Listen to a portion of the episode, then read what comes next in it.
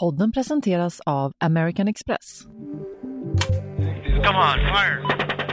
Den spionmisstänkte Wikileaks-grundaren Julian Assange är ett steg närmare att lämnas ut till USA. This uh, video has just been released. Elva år efter läckan med videon som visade hur amerikanska militärer sköt ihjäl civila och journalister i Irak. Bilder som chockade en hel värld. These documents have generated a mix of reactions from horrified. Nu beskrivs hans psykiska hälsa som dålig och att han riskerar att ta sitt liv.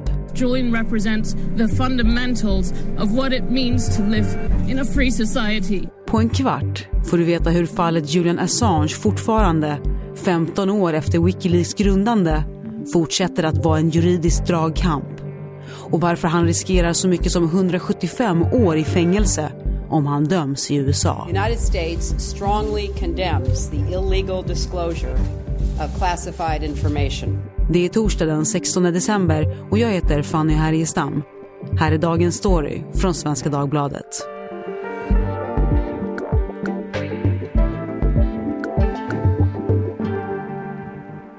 Karin Turfjell, politikreporter här på Svenska Dagbladet. Karin, du har ju skrivit många artiklar om fallet Assange eh, genom åren. Just här innan berättade du att det var rätt länge sedan nu, den, den senaste.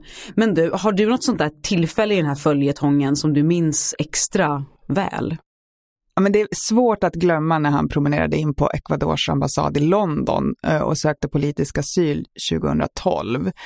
Han var ju då häktad i sin frånvaro i Sverige, anklagad för eh, sexbrott mot två kvinnor 2010.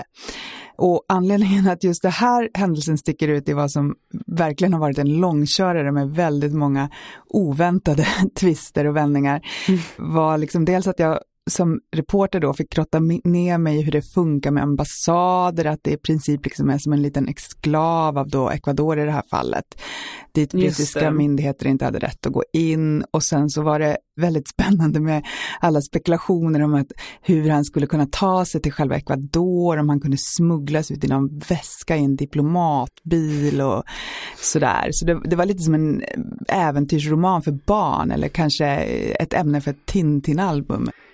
Ja men det där är ett rätt bra exempel på liksom hur, hur följetongen Assange har sett ut under åren. Men just nu sitter ju Julian Assange sedan två år fängslad i Storbritannien. Eh, och det senaste i den här historien är ju att han nu är ett steg närmare att lämnas ut till USA. Karin, berätta om de här allra senaste turerna runt domstolsbesluten. Ja, men det som det handlar om nu är att USA vill få Assange utlämnad. Det här stoppades av brittisk domstol i början av, av det här året på grund av Assange psykiska hälsa. Men USA överklagade och det som hände nu i förra veckan var att eh, USA då fick rätt i en högre instans. Men också det här domstolens beslut kan överklagas så eh, den här historien är antagligen långt ifrån över. Det är i 80-talets Australien som en ung Julian Assange gör sig känd som hacker under namnet Mendax. Tillsammans med några andra bryter han sig in i Pentagons och NASAs datasystem i en tid när internet fortfarande inte har slagit igenom hos allmänheten.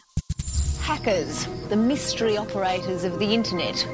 2006 blir ett stort år för internet med lanseringen av Twitter och Newsfeed kom på Facebook. I samma veva grundar Assange Wikileaks, en internetsajt dit stora läckor skulle kunna lämnas och publiceras. Men det är våren 2010 som Wikileaks stora genombrott kommer. Makten tycker aldrig om när militära hemligheter eller krigshemligheter avslöjas av någon, i något land. Och särskilt när det gäller en supermakt. Genom den amerikanska soldaten och uppgiftslämnaren Bradley Manning får Wikileaks tillgång till ett rekordstort antal hemligstämplade dokument inifrån USAs armé. Först ut är läckan Collateral Murder, en video som är inspelad från en amerikansk helikopter under ett luftangrepp där militärer beskjuter civila på marken i Irak år 2007. Soldaterna är exalterade och skrattar när skotten träffar människorna. Totalt dödas 12 personer, varav två är journalister för nyhetsbyrån Reuters. I mean, it really is the most extraordinary compendium of war that has ever been released. Reaktionerna blev dramatiska och videon placerade Wikileaks på världskartan. Julian Assange fick hjältestatus. Aktivister ville vara nära honom, publicister ville samarbeta med honom. I det informationskrig som ändå pågår så fanns det plötsligt en, en röst som var oberoende och läckte alltså material på ett, på ett klassiskt sätt. Men idag, 11 år senare, har spelplanen ändrats. Och Assange själv står anklagad för brott. Och vad är det exakt Julian Assange anklagas för? Och liksom, vem är det som anklagar honom? Det han anklagas för av USA är ju förberedelse till dataintrång och spioneri. Det hänger ihop med framförallt de här läckorna som var 2010 när eh, Wikileaks slog igenom så att säga. Åklagarmyndigheten i USA hävdar att Assange har uppmanat den före detta militären Chelsea Manning, som då hette Bradley Manning, att eh, sprida hemligstämplad information och sen publicerat det. Karin, du nämnde ju här Julian Assange psykiska hälsa som beskrivs som väldigt dålig. Hur dålig? FNs organ för mänskliga rättigheter riktade i en rapport 2019 kritik mot Storbritannien, Ecuador och Sverige. Och då pekar de på att Assange ska ha utsatts för psykisk tortyr och omänsklig behandling på grund av hela den här situationen där han har suttit på Ecuadors ambassad. Då. För då var det ju Sverige som ville ha honom utlämnad för brott han ska ha begått här. Och Anledningen till att en lägre instans då eh, alltså bedömde att Assange inte kunde utlämnas berodde just på att han ansågs vara i för dålig psykiskt skick. Man såg till och med risk att han kunde ta sitt liv. Och om vi också går in på hans fysiska hälsa så säger hans eh, ja, fru är det nu faktiskt att han drabbades eh, av en form av ministroke som kallas TIA. Julian Assange hyllades ju som det fria ordets hjälte verkligen i början. Just runt den här tiden som du tar upp Karin, alltså runt 2010 när många av de här stora läckorna kom. Han var extremt hypad och hade liksom rockstar-status. Idag är det inte så längre. Vad var det som hände? När kom liksom skiftet? Ja, men samma år som det stora genombrottet där i april så var han ju i Sverige i augusti och eh, det slutade med att han eh, anklagades för eh, bland annat våldtäkt och andra sexualbrott mot två kvinnor här. Och för en del tror jag att den här hjälteglorian började falna då, men möjligen blev han en ännu större hjälte för andra och fick en slags martyrstatus för att Många av hans, hans anhängare sa att han hade utsatts för en slags honey trap eh, för att misskrediteras och sen kanske också utlämnas till USA. Alltså att man använder i spionkretsar eller underrättelsetjänster är väl oftast att man använder en snygg person som den andra kan bli attraherad av för att få den att göra dumma saker eller säga saker som den inte borde. I och med att den här historien har liksom hållit på så länge så tror jag att hans stjärnstatus liksom långsamt kanske har trappats ner. Storbritannien har hotat att storma Ecuadors ambassad i London för att gripa Julian Assange. Det var 2012 som Assange flydde in på Ecuadors ambassad i London i rädsla för att brittisk polis skulle överlämna honom till Sverige efter våldtäktsåtalet. Ett par månader senare fick han politisk asyl av Ecuadors myndigheter och en sju års lång vistelse, en sorts självvald inspärrning, hade tagit sin början. I am safe in this embassy to speak to you. Hans nya boende blev ett rum på 16 kvadrat i ambassadbyggnaden bredvid det kända varuhuset Harrods. Till sällskap skaffade han snart en katt. Och förutom löpband och dusch hade Assange en sollampa på rummet eftersom han inte hade någon möjlighet att gå ut. We need to assess whether these rights have been violated, whether the danger of the death penalty exists, etc. etc. Vistelsen i ambassaden fick kodnamnet Operation Hotel av Ecuadors förre president Rafael Correa och den uppseendeväckande situationen höll fram till 2019 då Ecuador drog tillbaka Julian Assange politiska asyl. Men är det så att han lämnar ambassaden då finns det en stor risk att han också kommer bli gripen det första som händer. Uppgifterna går isär om bakgrunden till det beslutet. Den nya presidenten Lenin Moreno uppgavs vara mån om att förbättra förhållandet mellan USA och Ecuador. Ett sätt att göra det skulle ha varit att sparka ut Assange.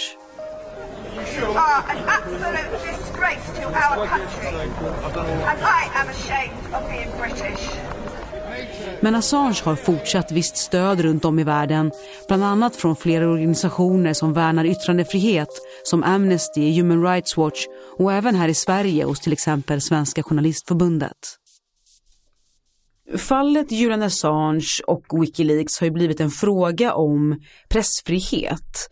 Alltså vilka är de olika ståndpunkterna i den debatten? Det finns olika sidor där.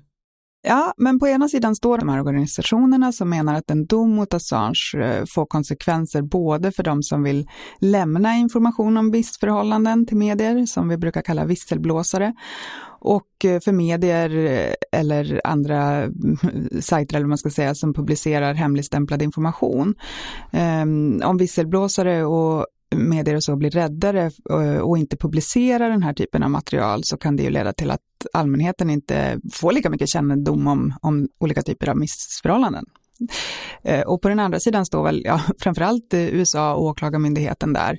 Ja, han är ju anklagad då för att ha, ha publicerat och bidragit till att eh, hemligstämplad information har läckt ut. Och de menar ju att det här kan skada amerikanska militärer eh, runt om i världen. Man kan också nämna att eh, den visselblåsare som läckte stora delar av Wikileaks material, till exempel det här, de här warlogsen och eh, eh Chelsea Manning, eh, han jobbade vid den tillfället som underrättelseanalytiker i ett amerikanskt arméförband utanför Bagdad och han dömdes ju till 35 års fängelse, eh, även om han nu blev benådad av USAs eh, förre president eh, Barack Obama och släpptes 2017. Det leder oss ju verkligen in på, på nästa fråga. Just det här, vad riskerar Julian Assange själv om han nu utlämnas till USA och döms där? Det korta svaret är fängelse i max 175 år. Amerikanska myndigheter har också sagt att han eventuellt kan få avtjäna straffet i, i Australien. Och den här sajten Wikileaks, vilken relevans har den idag? Det är ju länge sedan eh, glansdagarna som väl framförallt var 2010. De har släppt en del saker senare i år, men ingenting som har väckt speciellt mycket uppmärksamhet. Sen vet man ju inte om de har något nytt på gång. Och vilken roll har Assange för sajten idag? Ja, jag misstänker att han inte har jättelätt att jobba med den från, från fängelset. Han är ju Wikileaks. Det, det, alla eh, kopplar nog ihop dem eh, väldigt tydligt. Och de läckor som har kommit ut, och vi har pratat om flera av de här eh, från Wikileaks genom åren, har ju verkligen varit politisk sprängstoff. Alltså vad har Wikileaks gjort för avtryck, skulle du säga? Enligt vissa så påverkade Wikileaks eh, presidentvalet i USA 2016 eftersom de publicerade eh, månaderna före dokument från, från Demokraterna. Och, och det valet av Trump påverkade ju världen på många sätt kan man säga. Och sen så vet vi saker om USAs krig i Irak och Afghanistan framför allt, eh, om missförhållanden där som vi antagligen inte skulle känna till utan eh, Wikileaks. Hur det påverkat eh, liksom, ehm, benägenheten att eh, visselblåsa och så är svårare att säga. Det är ju möjligt att behandlingen av Chelsea Manning och att USA nu försöker få Assange utlämnad, eh, att det skrämmer människor och, och att man inte törs läcka på det här sättet i framtiden.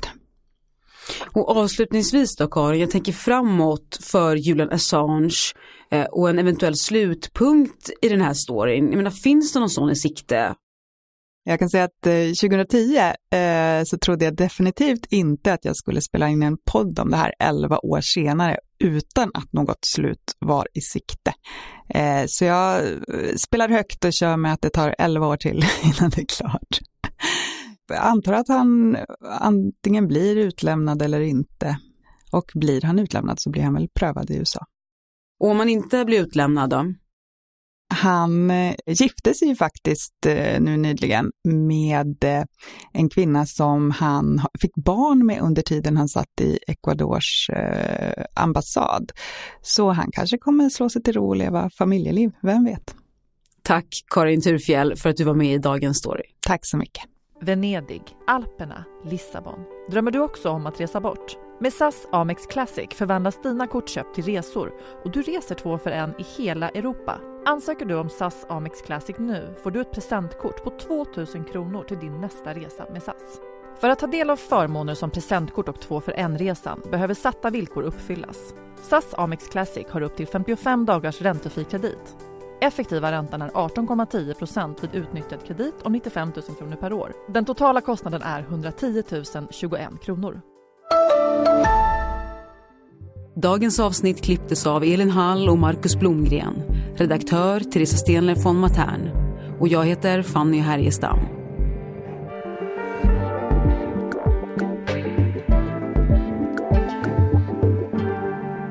Klippen idag är hämtade ifrån Sveriges Radio, Aftonbladet TV, Sky News, The Guardian, Expressen TV, ABC Australia, The Telegraph och The Independent. Du har lyssnat på Dagens Story från Svenska Dagbladet. Vill du kontakta oss så mejla till dagensstory.svd.se.